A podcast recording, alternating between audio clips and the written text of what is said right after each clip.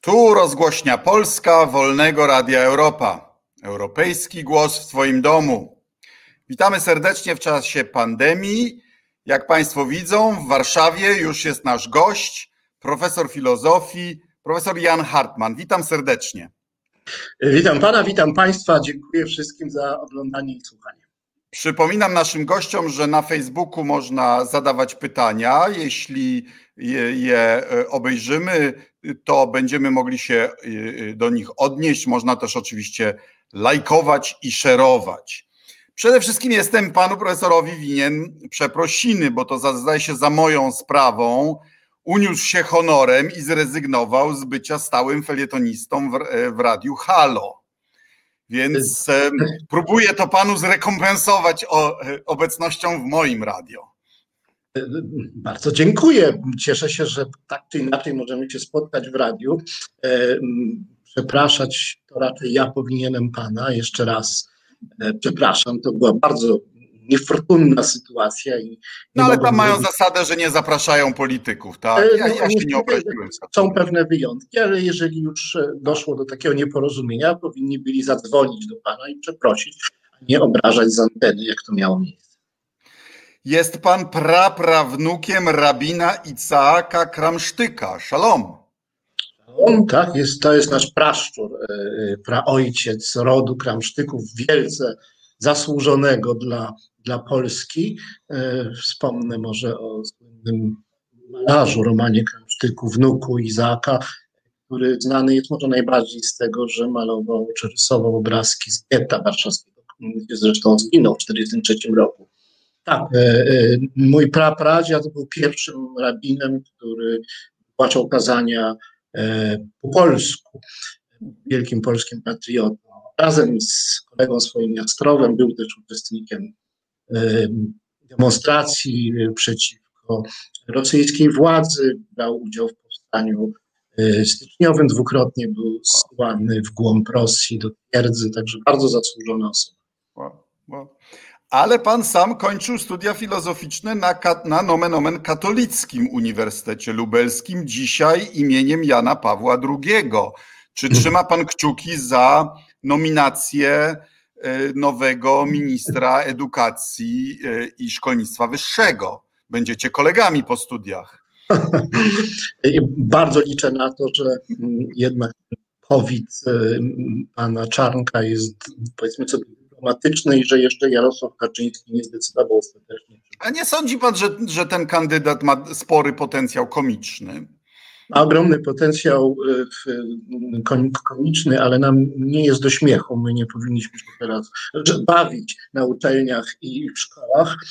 Taki minister, zwłaszcza w tych czasach, e, to znak degradacji tych, e, tych resortów. Wolności przede wszystkim policzek dla środowiska, zarówno akademickiego, jak i, jak i szkolnego, i na pewno nie zostawimy tego bez odpowiedzi. Protesty przeciwko powołaniu Czarnka są zapowiedzią mm, no, trwałego konfliktu między środowiskami a, a reżimem. Tu już nie chodzi o samą osobę Czarnka, bo raczej ignorowany. To jest oczywiście konflikt z Jarosławem Kaczyńskim, który Trochę nam niknie internet, trochę, trochę zanika głos. Miejmy nadzieję, że się Będę mówił głośniej. Będę mówił, znaczy będę mówił głośniej, może będzie lepiej słychać, ale są przerwy? Lekkie, oby było lepiej. Doktoryzował się pan w 1995 roku na podstawie pracy pod tytułem Problematyka heurystyki filozoficznej. Może pan po ludzku powiedzieć, co to znaczy?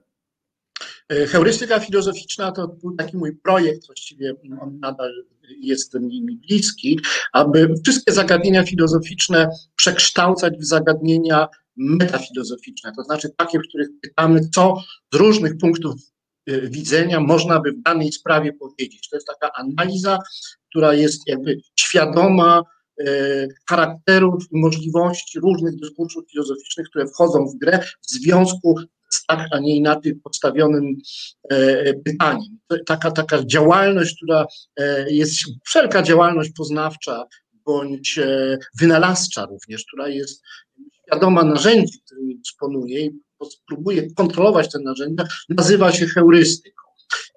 Więc krótko mówiąc, to jest taka teoria twórczości filozoficznej, która ma znaleźć zastosowania do, do samych do samej pracy filozofa, do samych zagadnień filozoficznych. I rzeczywiście, no to była, to była książka dosyć obszerna, którą napisałem e, wtedy i ona wyszła w 1997 roku w serii monografii Fundacji na Rzecz Nauki Polskiej. E, jest jedną na, dotąd z ważniejszych książek, jakie napisałem. Chyba rozczarował pan e, jedną ze słuchaczek. Proszę zerknąć. Pardon. Użyję faszysta najpóźniej w trzecim zdaniu.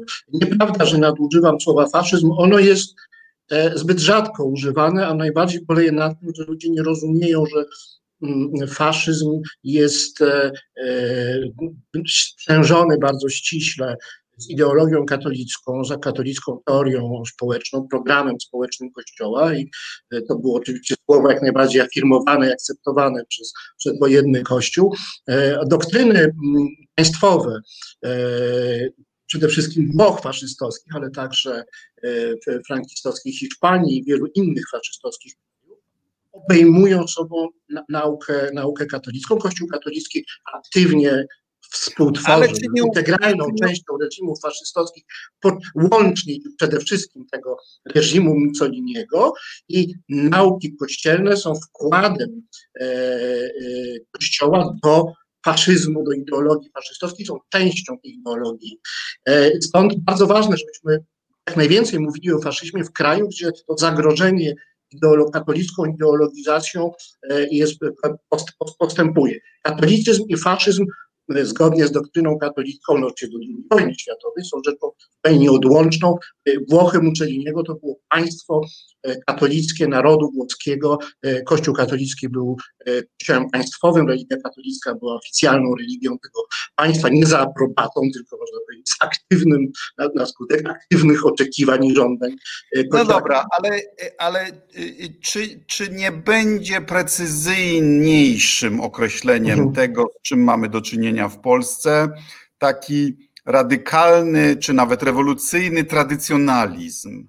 Bo czy nie zgodzi się pan ze mną, że nie ma faszyzmu bez przemocy politycznej, a tej, a tej póki co nie mamy w Polsce? Nie, znaczy w doktrynie faszystowskiej, doktrynie Mussoliniego nie ma mowy o żadnej przemocy. Tradycjonalizm. Ale w praktyce, ale w praktyce, ale w nie, praktyce było tradycjonaliści. Na, na większą skalę niż w Polsce.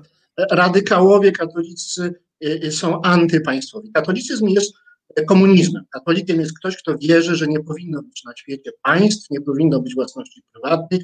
Wszyscy ludzie powinni być braćmi i siostrami i żyć w jednym królestwie Bożym bez granic, bez własności prywatnej. Więc e, katolicyzm jest e, komunistyczny, jest antyetatystyczny. I fa, no, to nie jest oficjalna nauka Kościoła katolickiego. To nie, jest nie, nie, nie, nie, całkowicie oficjalna. Jezus ma przyjść i wszystkie narody się przed nim ukorzą. No dobra, ale Pan Jezus Chińczyk będzie tak samo katolikiem, będzie wyznawcą Pana Jezusa jak Polak. Nie będzie żadnych granic, nie będzie żadnych państw. E, nie jesteście katolikiem, jak chce się, żeby wiecznie istniała Polska. A faszyzm rzeczywiście nie jest katolicyzmem ortodoksyjnym, no jest nacjonalistyczny, więc oczywiście e, e, powiedzenie katofaszyzm, katolicki faszyzm jest redundantny, to jest taki pleonazm, bo, no, bo faszyzm jest z definicji katolicki, no, wyłącz, wyłączywszy Rumunię, no, ale, była taka ale, odmiana prawosławna, ale faszyzm moment, jest ale... katolicki. Państwo Mussoliniego, państwo wzorcowe, państwo faszystowskie było katolickim państwem narodu włoskiego, ale to nie jest ortodoksyjny katolicyzm w tym sensie, że katolicyzm sam z siebie jest antyetatystyczny, komunistyczny, uniwersalistyczny, a nie nacjonalistyczny. Dobra, to jest nieortodoksyjny katolicyzm. Daj, dajmy, dajmy naszym hmm. słuchaczom zaabsorbować to, co Pan mówi, dobra? Mniej słów. Ja chciałbym, ja chciałbym jeszcze dokończyć wątek pańskiego życiorysu, bo Dobrze. opublikował pan książkę pod tytułem, zresztą po angielsku chyba, e, Short Studies in Bioethics, czyli krótkie studia bioetyczne. Y, wydaje mi się, że wyjątkowo na czasie temat y, w trakcie pandemii, ale czy możemy jedną rzecz wyjaśnić, bo to jest taka taka kwestia z bioetyki, ale u nas bardzo brutalnie mhm. nadużywana definicja. Czy możemy upewnić naszych słuchaczy, że eutanazja to nie jest mordowanie staruszków? Eutanazja to jest. W takim sensie w Polsce ten, ten termin jest używany.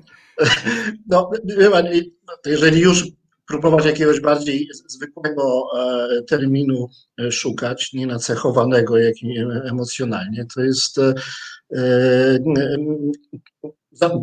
uśmiercanie z litości, uśmiercanie ludzi na ich na ich, na ich ale, żądanie. Ale kluczowe, że to jest na ich własne żądanie, prawda? Tak, no to trudno nazwać morderstwem działanie, które jest wynikiem wielokrotnych żądań e, osoby, którą się pozbawia życia. E, eutanazja, ale bioetyka nie zajmuje się nigdy, nie, nie zajmuje się oceną e, eutanazji. Nigdy się nie zdarza, że bioetycy Aha. potępiają osoby żądające tego, aby skrócić ich życie.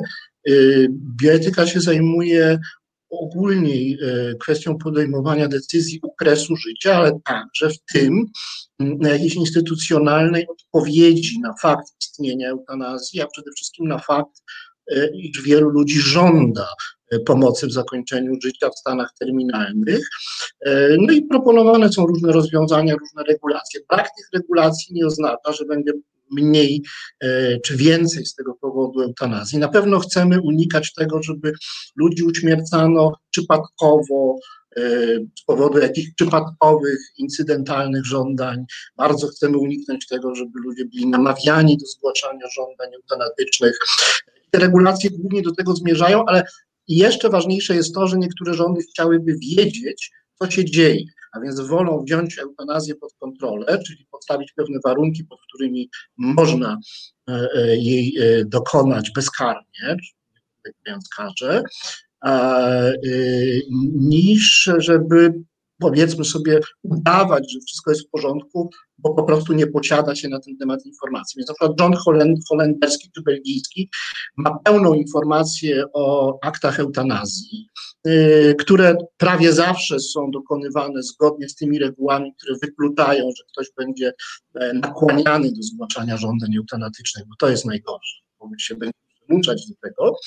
E, więc posiada tę informację za cenę taką, że e, to nie sądy rozpatrują te przypadki, tylko e, sam koroner, czyli jakby, jakby prokurator.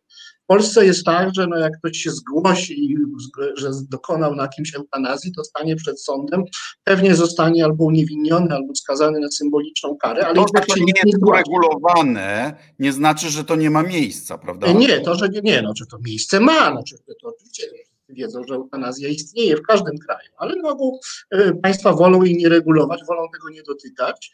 Mm, ale są takie państwa, które takiego stanu hipokryzji, takiej e, e, no, niewiedzy o, o, bardzo drażliwych zjawiskach, eutanazja jest czymś niesłychanie drażliwym i drastycznym, wolą w takiej niewiedzy pozostawać i umywać od tego ręce. Są państwa, które nie chcą umywać rąk, chcą tę sprawę regulować, i jako tako regulują. Znaczy celem, celem Holendrów jest to, żeby po pierwsze wiedzieć, e, a po drugie celem jest to, żeby unikać tego, czego najbardziej chce się unikać, czyli nakłaniania ludzi do tego, żeby żądali, e, żądali eutanazji.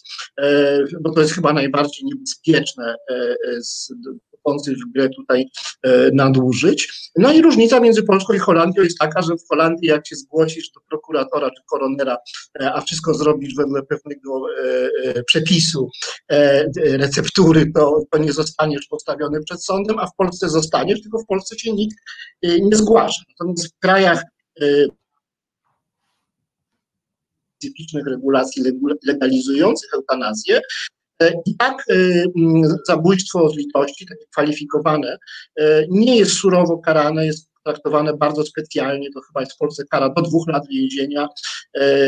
Zresztą się szalenie rzadko zdarza, żeby ktoś stanął przed sądem, bo to jest Jasne. przestępstwo bez ofiary. Jasne.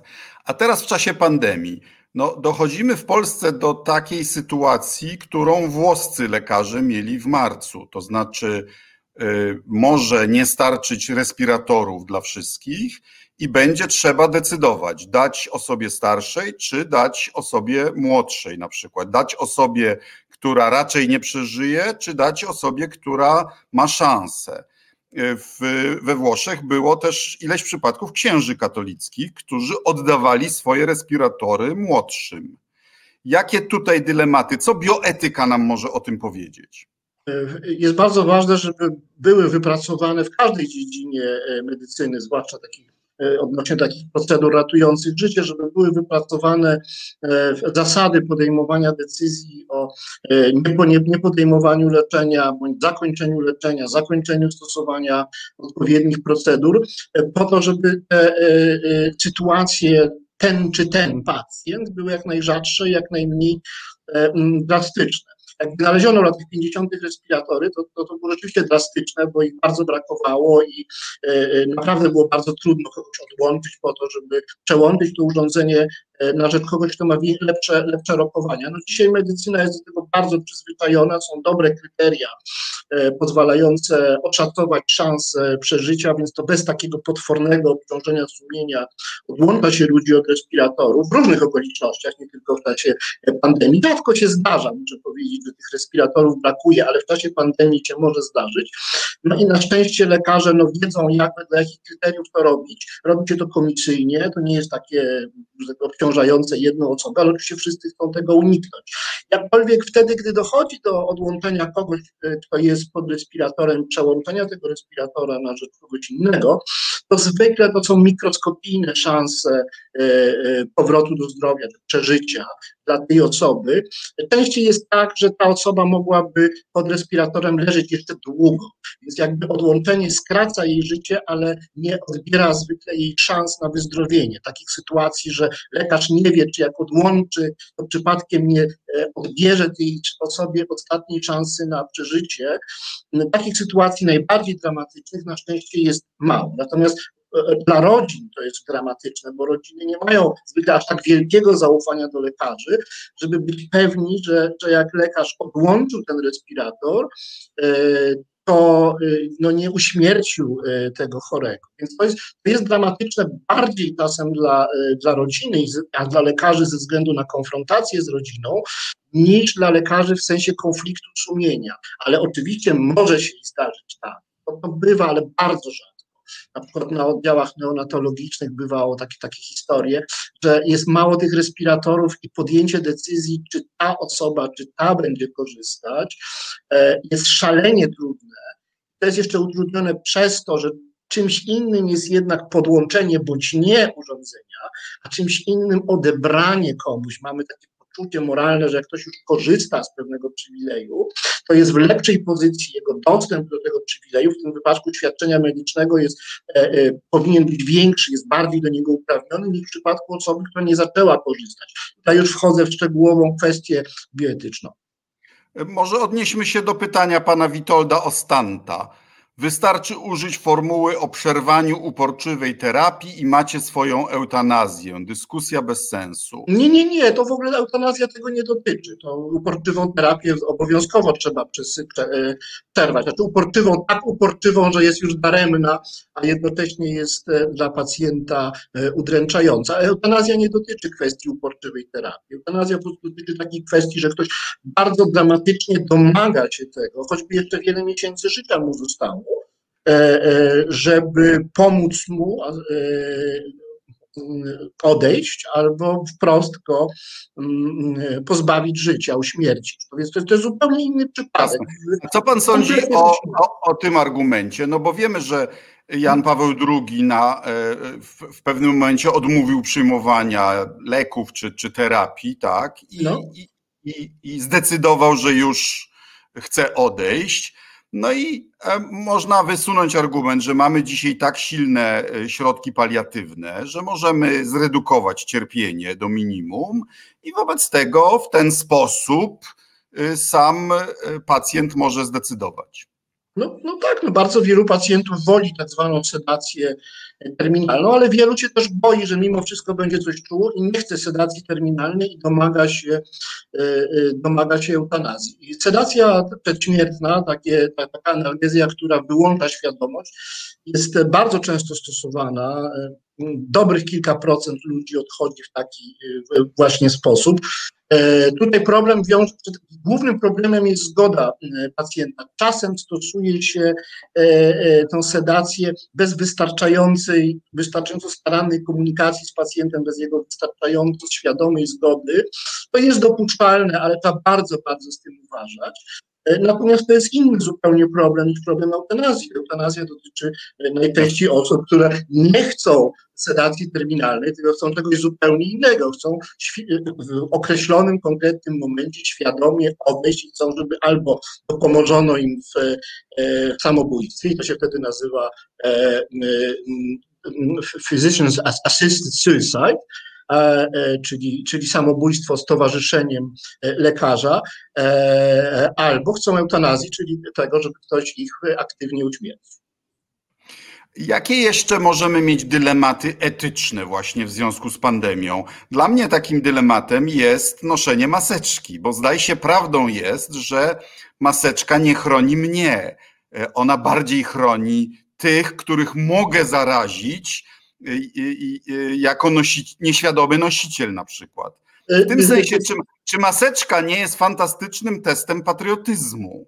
Bo to jest powiedzenie, dbam o ciebie, Y, mhm. Zdrowie wasze, moich rodaków, jest dla mnie ważne, nie tylko moje własne zdrowie, i to jest takie pokazanie innym ludziom szacunku i patriotyzmu. Y, zgodzi się pan? Zdecydowanie, y, gdy noszę maseczkę, uwzględniam interes innych ludzi i oczekuję od innych, że będą nosić maseczkę również ze względu na mój interes. E, ale to też nie jest do końca e, tak, że jak noszę maseczkę, to tylko chronię innych przed swoim tym aerozolem ewentualnie mhm. zakażonym, e, bo jednak wdychając powietrze wydychane przez innych, na przykład przez osobę zakażoną poprzez maseczkę, przyjmuję nieco mniejszą porcję tego wirusa, więc troszkę siebie też chronię. To oczywiście zależy z jakiego materiału ta maseczka jest zrobiona. Generalnie powszechne noszenie maseczek i zachowanie dystansu ogranicza rozprzestrzenianie się pandemii i o tym. Natomiast niektóre osoby są tak pewne, że, że są zdrowe, że im się nie chce tych maseczek wkładać e, i są niezdyscyplinowane. No, trzeba te osoby dyscyplinować. Natomiast rząd, który nakazuje bądź zaleca noszenie maseczek, a sam pokazuje się bez maseczek, po prostu e, no, no, daje dowód arogancji. E, zwłaszcza było czymś bardzo stosownym, gdy, gdy Jarosław Kaczyński pokazał się na, na e, zaprzysiężeniu swojego rządu e, przez jakiś czas bez maseczki. To jest, dawa, to jest pokazywanie społeczeństwu, że to wszystko jest trochę na niby. E, zresztą myślę, że w tych środowiskach prawicowych wiele osób ale chwila, ma moment. Ale, ale ja myślę, że w tym była pewna logika, bo prawdziwy lider taki musi pokazywać, że nie jest zwykłym śmiertelnikiem, że jest ponadto, że ma, jakąś, że ma jakąś siłę magiczną, prawda? To samo robi. Prawda? To prawda, no tak jak jest, nie jest, nie jest e, e, e zwykle e, prezydentem, premierem czy generałem, tylko jakimś skromnym pułkownikiem albo w ogóle nie wiadomo kim. Dlatego ten Kaczyński przeżył ogromną porażkę, że musiał wejść do, do rządu, e, stając się jakby regularnym, liniowym politykiem, a nie takim właśnie e, taką szarą eminencją z innego porządku, ale zdecydowanie ma pan rację. Jemu wolno więcej, tak jak wolno mu było wjechać na cmentarz, to wolno mu było e, zdjąć maseczkę, wolno mu było z pożegnania sobie pójść po prostu alejką w stronę swojego samochodu. Ma wszystkich w nocie, ma w nocie swoich kolegów i ma w nocie nas wszystkich. E, jest osobą z innego, innego porządku, jakiegoś nadprzyrodzonego czy historiozoficznego. To jest strasznie śmieszne i żenujące. E, pan go zna lepiej niż, niż ja, ale przypuszczam, że on już zupełnie się oderwał od rzeczywistości, że jego narcyzm i paranoja są już tak e, rozwinięte, że właściwie już nie kontroluje swojego zachowania. Czy mogę podzielić się moim wspomnieniem, kiedy, kiedy w świadomości mojej powstał, e, powstało e, fakt istnienia profesora Hartmana. No, kiedy? Mianowicie wtedy, kiedy pan profesor dał się poćwiartować i, i, i łamać kołem bodajże i mieć wyrwany język i potem był chyba spalony na stosie na rynku Starego Miasta w Warszawie jako, impersoni, jako personifikacja e, e, męczennika polskiego ateizmu e, pana Łyszczyńskiego. Tak. Łyszczyńskiego. Łyszczyńskiego, tak. No to roku taka polska historia, prawda? Bo, bo sąsiad podkablował sąsiada, bo, bo był mu kasę winien, prawda? Tak, i, i to doprowadziło do, do, do, do skazania go i, i takiego bardzo spektakularnego uśmiercenia. To jest taki kamp, polski Campo di Fiori, to, to ewidentnie jest e, paralela między Łyszczyńskim a e, Giordano Bruno we Włoszech, tylko że no we Włoszech, kraju katolickim, a jakże e, to morderstwo, jedno z bardzo wielu morderstw sądowych, e, kościelnych, e, zostało upamiętnione pomnikiem dla, dla Giordano, który stoi na tym placu, płonął jego stos, a w Polsce no nie można sobie nawet wyobrazić, że była jakaś tablica pamiątkowa upamiętniająca... Ale chwila, moment, chwila, moment, bo Łyszczyńskiego skazała komisja sejmowa. E, e, e, Kościół zawsze bardzo dbał o to, żeby ludzi, którzy byli mu niechętni, czy jakoś tam wchodzili mu w drogę, fizycznie zabijali, formalnie skazywali. Nie, nie ja ludzie nie zależni. Ludzie zależni. Ja mówię o, o, o wyroku. Ale nie sam. Słucham? Ja mówię o samym wyroku. To była komisja. Nie, ale Kościół Inkwizycja też nie wydawała wyroków. To, to od brudnej roboty zawsze była władza świecka, no ale oczywiście subordynowana i podporządkowana robiła to, czego tutaj Kościół życzył. E, to oczywiście zwiększa winę Kościoła. To, że powiedzmy te dziesiątki tysięcy ludzi, dajmy na to, zamordowanych w wyniku morderstw sądowych, e, z oskarżeń o, o herezję, czy czary, czy różne te ateizmy, cokolwiek. To, że one były skazywane przez sądy, na życzenie Kościoła przez sądy świeckie, to oczywiście dodatkowo obciąża Kościół, bo to jest prób zatarcia śladów, czy też ograniczenia własnej odpowiedzialności. Oczywiście nie jest to bardzo duży dodatek do tej straszliwej winy, ale jest to na pewno dodatkowe moralne ale obciążenie. Daje możliwość używania takich argumentów, jak, jak pan teraz używa na szczęście szalenie łatwych do odbicia. Jan III Sobieski, nasz bohater, nie skorzystał z prawa łaski i podobno nawet ówczesny papież uważał, że, że kara była zbyt zbyt surowa, biorąc pod uwagę, że gość napisał ten ateistyczny traktat tylko do szuflady w swoim własnym domu. E, Kościół bardzo lubi ubolewać e, e, nad surowością katolickich rządów, katolickich sądów podległych państwu świeckiemu. Zawsze próbuje robić wrażenie, że jeśli chodzi o zabijanie, to nie on. Lubi pedofilii, nie lubi no zabijania. No ale, jakiś, ale, no, ale no cóż, taki ma styl. Co złego to nie my. Znaczy, jest pan osobistym wrogiem nie tylko Pana Boga, ale także, ale przede wszystkim Kościoła katolickiego, ale e, Hartman, teraz przyznajcie się, ten, ten, to chrześcijaństwo i ten katolicyzm to wy Żydzi wymyśliliście. No i gdybym był antysemitą, to pewnie e, to byłby mój główny argument przeciwko Żydom. A, tak, to prawda. Pierwotnie, pierwotnie, pierwotnie... Czy Pan Jezus wiedział, że, że jest chrześcijaninem? Czy, nie, nie, czy pan, pan nie... nie twierdzi, że Pan Jezus był chrześcijaninem. Pan Jezus e, był żydowskim rabinem. Ale pierwsi, pierwsi chrześcijanie, pierwsi chrześcijanie, e, w ogóle nie, do głowy by im nie przyszło, żeby mm, przedstawiać sobie swojego mistrza e, Jezusa z Nazaretu jako, jako bóstwo. Do głowy by im nie przyszło, żeby... Był rabinem żydowskim tak, żeby narzucać, narzucać swoją wiarę innym. Przez pierwsze dwa stulecia przynajmniej chrześcijaństwo to, było, to, było, to było e, fenomen żydowski. On potem został, jak wiadomo, rozszerzony na świat, na świat grecki, a jeszcze po, po następnym stuleciu mniej więcej pojawił się pomysł, żeby czcić w Jezusie Boga, co jest oczywiście z punktu widzenia tradycji żydowskiej idolatią, skrajnym bluźnierstwem. To jest naj, naj, najgorsze, co można czynić, e, podnosić człowieka do wysokości Boga, czcić człowieku Boga, więc to jest takie radykalne i brutalne zerwanie. Oczywiście Jezus na, na myśl o tym, że e, ktoś, kto e, go szanuje, czy czci, e, nie wiem, je wieprzowinę, pracuje w sobotę, czy też nie obrzeza się, czy też skła czci, No, oddaje chwila, cześć człowiekowi, by, by popadł szalony gniew. To, to na, pewno, na pewno nie są wyznawcami Jezusa, którzy mówią, że Jezus jest, e, e, Jezus jest Bogiem, nie są wyznawcami Jezusa ludzie pracujący w sobotę. Ale teraz, ale teraz, to, pan, teraz to pan przeholował. Czy No pan dlaczego? sugeruje, że pan Jezus był nie tylko Żydem, że był obrzezany?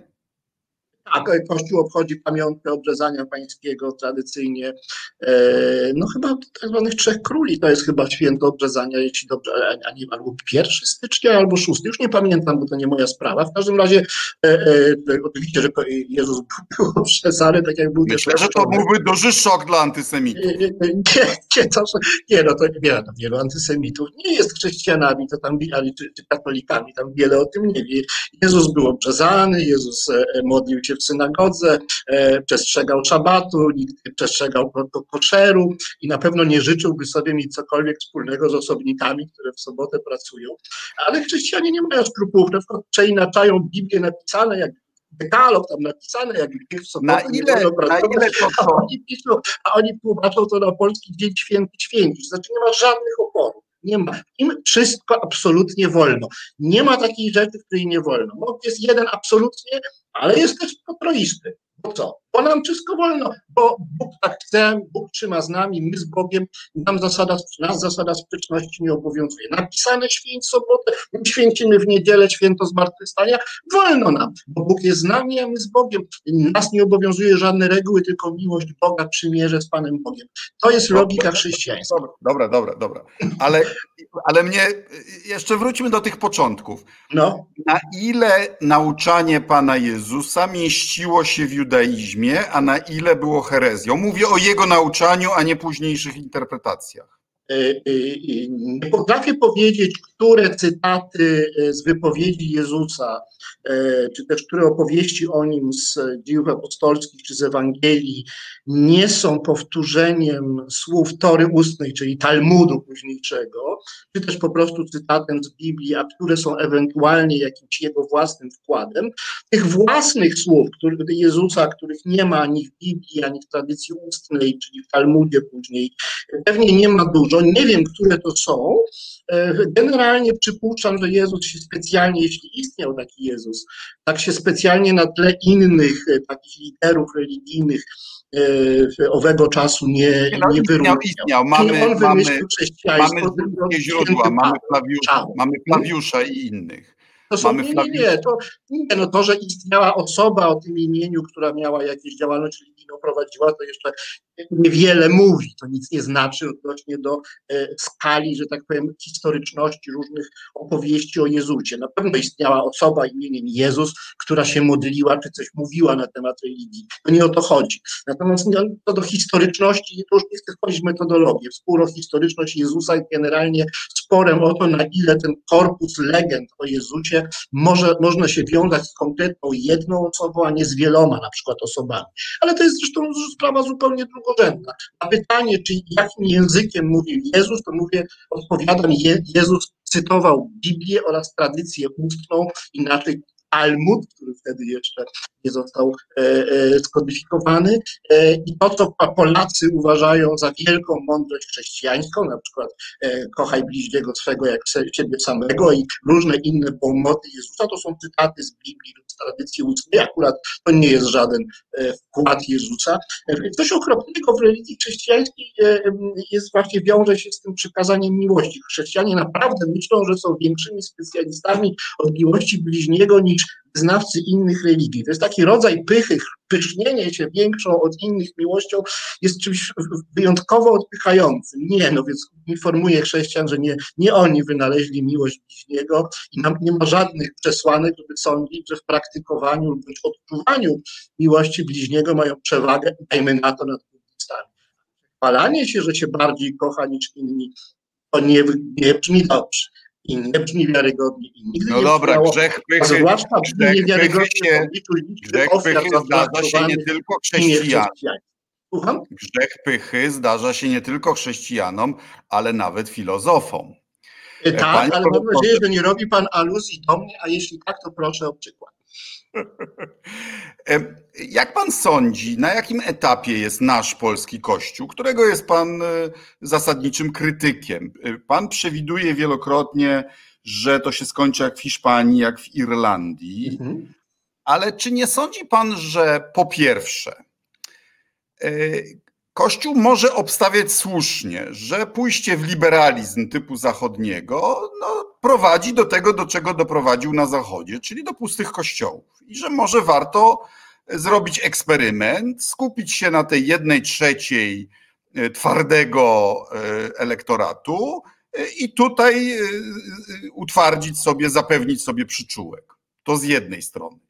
A z drugiej strony, czy nie sądzi pan, że Polska jest jednak inna od Irlandii i Hiszpanii, że to zlepienie Kościoła z nacjonalizmem jest silniejsze u nas i wobec tego daje y, Kościołowi mocniejszy fundament emocjonalny y, w, w, w umysłach wiernych.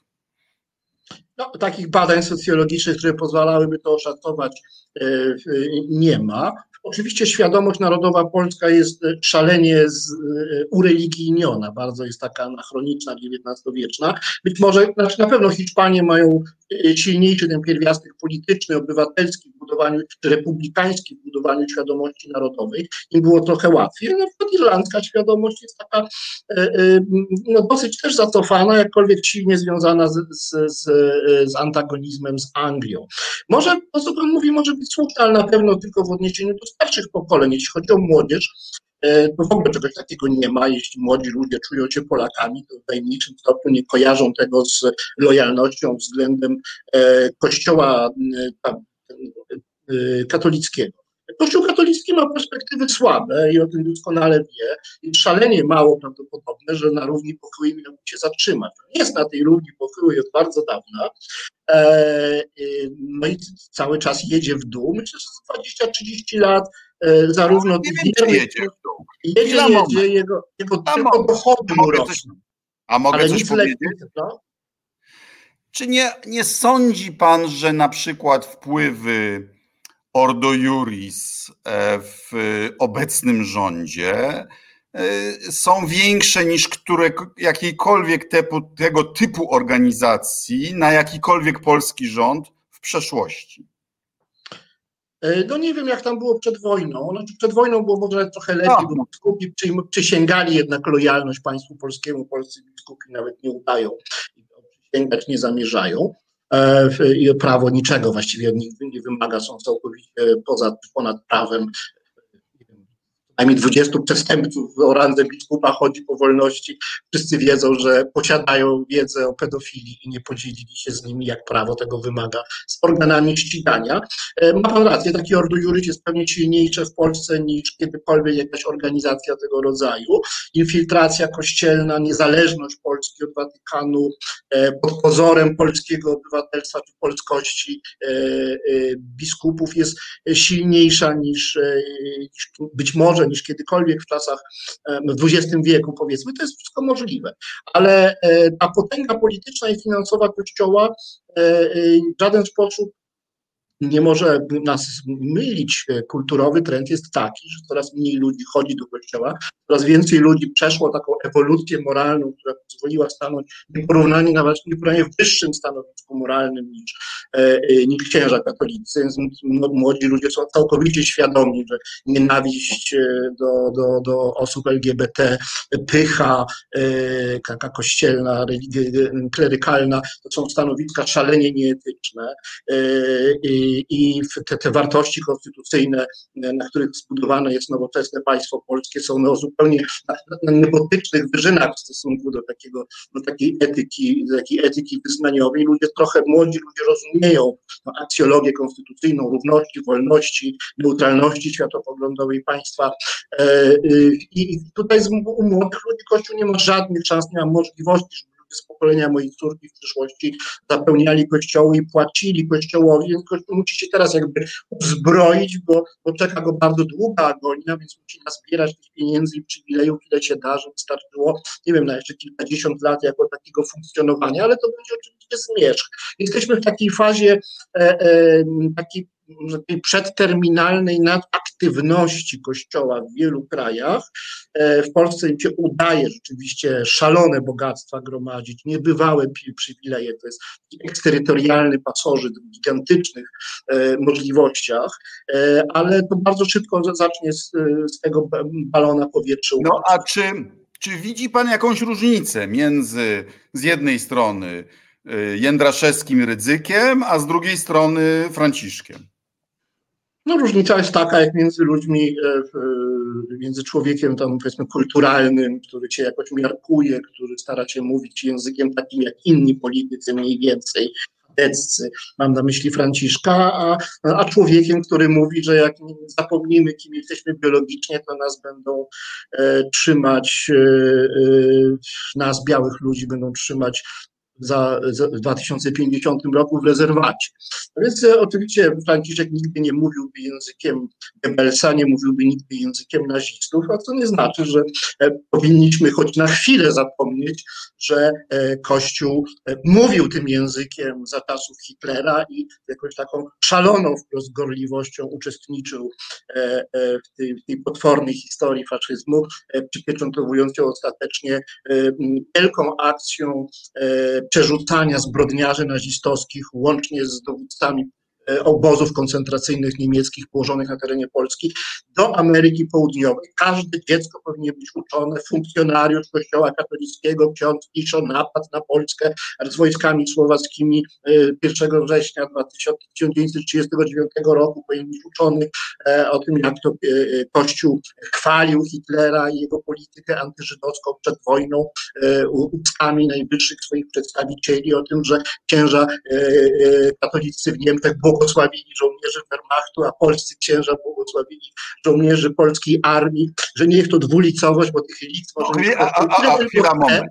To może, dziecko powinno być uczone. Kiedy polska szkoła, naprawdę polska, to takie rzeczy będą dzieci wiedziały od małego. Muszę to zaprotestować. No. To, że polscy księża błogosławili polskim żołnierzom broniącym swojej ojczyzny, gdzie pan tu widzi jakąś y, skazę moralną? Y, y, przepraszam bardzo, Kościół jest jeden. Nie mówię o tym, że źle, że błogosławili polskich żołnierzy, źle, że błogosławili jednocześnie niemieckich. Mówię, się wydaje, że, że Kościół jest jakąś lokalną instytucją. To też jest ogromne, ogromne kłamstwo, e, które trzeba zdezawuować. Kościół nigdy w życiu, jak jest katolikiem, nie wolno mu o tym zapomnieć. Kościół nie jest polską instytucją, jest zagraniczną instytucją. To jest, to jest stolica apostolska, wielkie imperium, zalążek państwa Bożego, Królestwa Bożego na ziemi. Ma być jeden wtedy, gdy jeden i obejmować cały świat, czeka na pojawienie się Jezusa, które zniesie, zmiecie z powierzchni ziemi wszystkie państwa, wszystkie kultury wszystkie inne religie, wszyscy ukorzą się przed nim. To jest religia katolicka. Wszyscy mają porzucić swoją tożsamość, swoją wiarę, wszyscy się muszą no ochrzcić i ukorzyć, bo jak nie idą do piekła. Jeżeli ktoś mówi, że niekoniecznie idzie do piekła ktoś, kto nie uwierzy w Jezusa, że jest miejsce dla niewierzących w niebie, ten na pewno nie jest chrześcijaninem. W ogóle tutaj nie ma żadnej dyskusji. Tylko przez chrzest, tylko przez Kościół prowadzi droga do zbawienia. Dla mnie i dla Pana prawdopodobnie nie ma miejsca w Królestwie Niebieskim. To jest religia absolutnie totalistyczna. Wszyscy muszą się ukorzyć, wszyscy bez wyjątków muszą się podporządkować, a jak nie, to czeka ich wieczne dzień. Więc lepiej ale, się chłopie Ale dzień sądu, ten, ten obraz sądu ostatecznego, czyli to, że mhm. trupy będą wstawać e, e, z trumien, z grobów, tak to, to to akurat wzięte z judaizmu, prawda? I że dopiero wtedy będzie sąd ostateczny, jak trupy y, y, powstaną z grobów. E, y, ta, ta, ta doktryna katolicka absolutnie to nie jest przeszczepione z, z, z judaizmu. Niektórzy rabini będą mówić o o, o, o, o, ta, o takim jakimś zmartwychwstaniu, ale na ogół nie. No to w ogóle nie ma żadnego sensu mówienie w tym kontekście o, o, o judaizmie. Na pewno z punktu widzenia tak, wszystkich... Nie. Przecież się płaci w Jerozolimie więcej za, za, za pochowanie jak najbliżej świątyni, po to, żeby być w pierwszej tak, kolejności... Dobrze, niektórzy, niektórzy, niektórzy w to wierzą. Nie ma żadnej jednej oficjalnej doktryny żydowskiej. Na pewno z punktu widzenia żydowskiego nie jest wskazane, żeby inni się nawracali na judaizm znacznie łatwiej trafić przed oblicze Boga e, i, e, i być zbawionym, jeśli nie jest się Żydem, niż jeśli się Żydem jest. nie ma żadnego szantażowania ludzi piekłem, jeśli się nie przyłączą do judaizmu. To jest wynalazek chrześcijański, a wmawianie ludziom od dziecka, od przedszkola, że nie ma śmierci, że to jest fikcja, że po śmierci się obudzą, wstaną z grobów i lepiej, żeby się obudzili po właściwej stronie, bo mogą trafić do piekła. To jest, nazwanie tego niegodziwością to jest nadużycie, czy niedoużycie słowa. Ja nie mam słów, żeby wyrazić moralne obrzydzenie praniem mózgów małych dzieci. E, e, ale zaraz, ale chwila, moment. ale tylko no. w chrześcijaństwie czy judaizmie można? Czy są religie, które. Nie znam, nie, znam, nie, nie ma tak głupiego rabina, który mówił dziecko, dziecko, jak e, nie będziesz dobrym Żydem, to obudzisz się po śmierci i trafisz do piekła i będziesz wiecznie cię smażyć w piekle. Oj, chyba bym znalazł. Pod wpływem, pod wpływem kultury liberalnej co nie wrabia w jakieś bronienie Żydów, ja nie mam z tym nic wspólnego. E, I nie jestem wyznawcą judaizmu, ani znawcą judaizmu, zresztą pełno jego odmian, nie podejmuję się o rozmowy o judaizmie. E, e, natomiast chyba, że na takich bardzo ogólnych, filozoficznych kategoriach. Natomiast Kościół robi jeszcze gorszą rzecz. Od trzech, czterech dekad przestał straszyć piekłem pod wpływem no, pewnej kultury etycznej, której mieszczaństwo liberalne wytworzyło.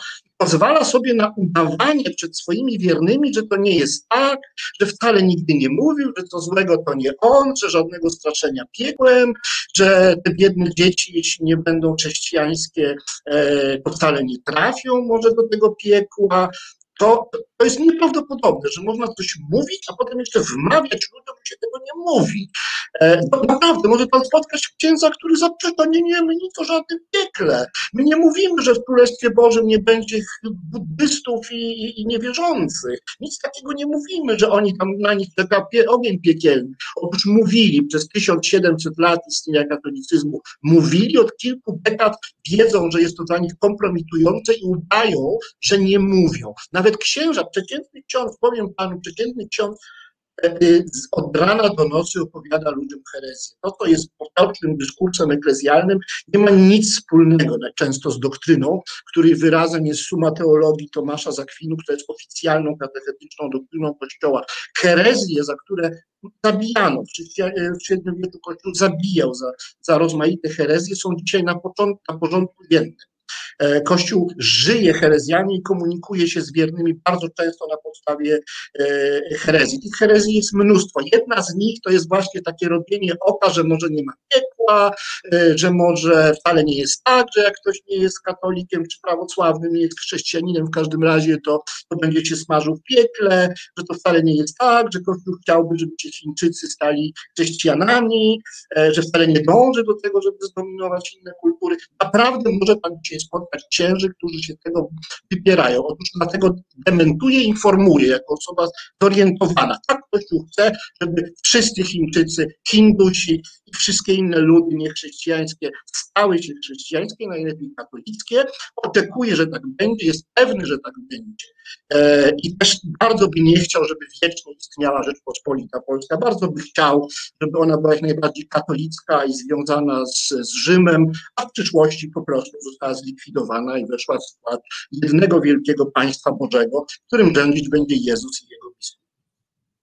Czy jak powiem, że ma pan zadatki na, ateist, na kaznodzieję e, e, liberalizmu czy ateizmu, to uzna pan to za komplement, czy nie bardzo? Y, ja zapraszam do wysłuchania moich różnych audycji na ten wykładów na temat ateizmu.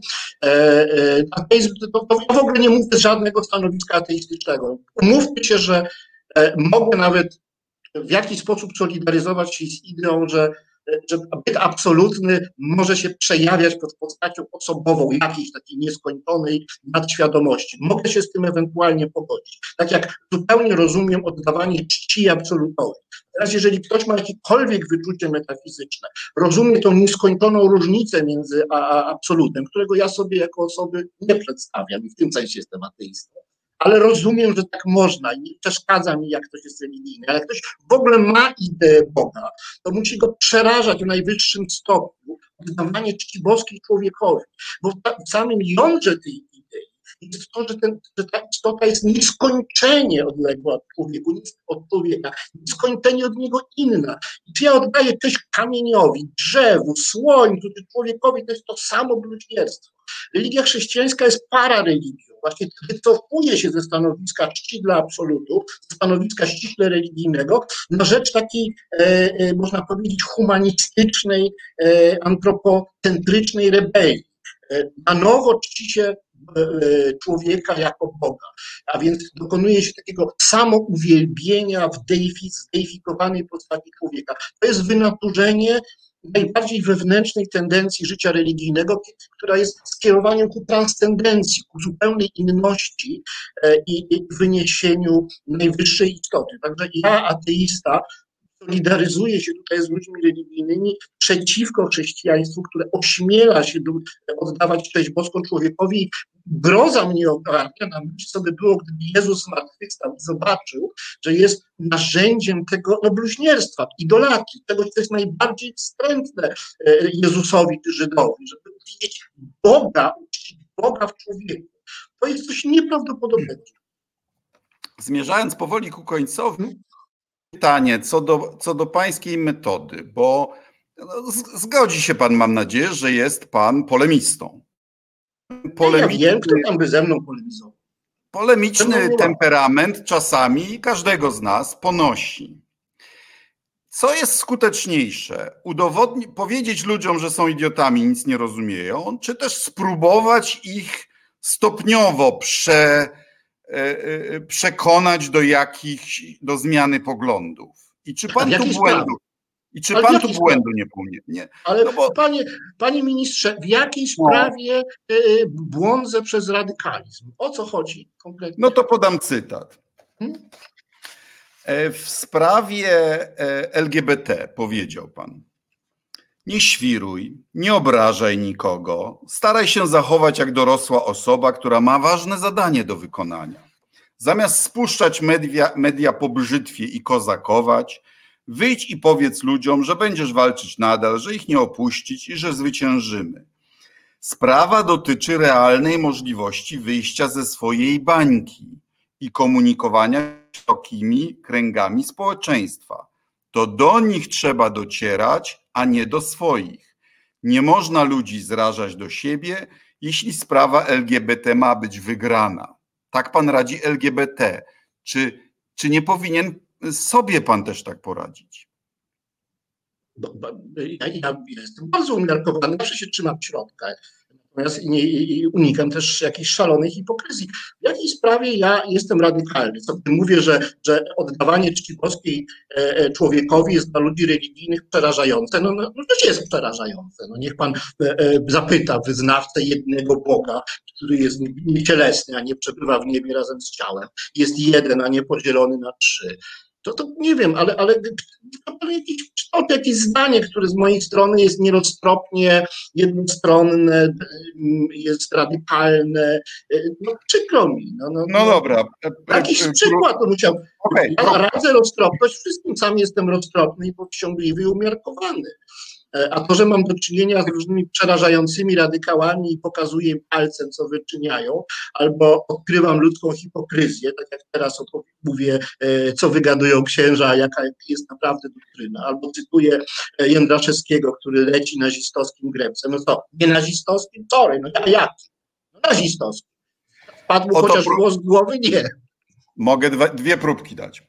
No? Cytuję. Nawet za najgorszej komuny nie było takiego bezwstydu i takiej pogardy dla starego, dobrego zachowania pozorów, jak dzisiaj.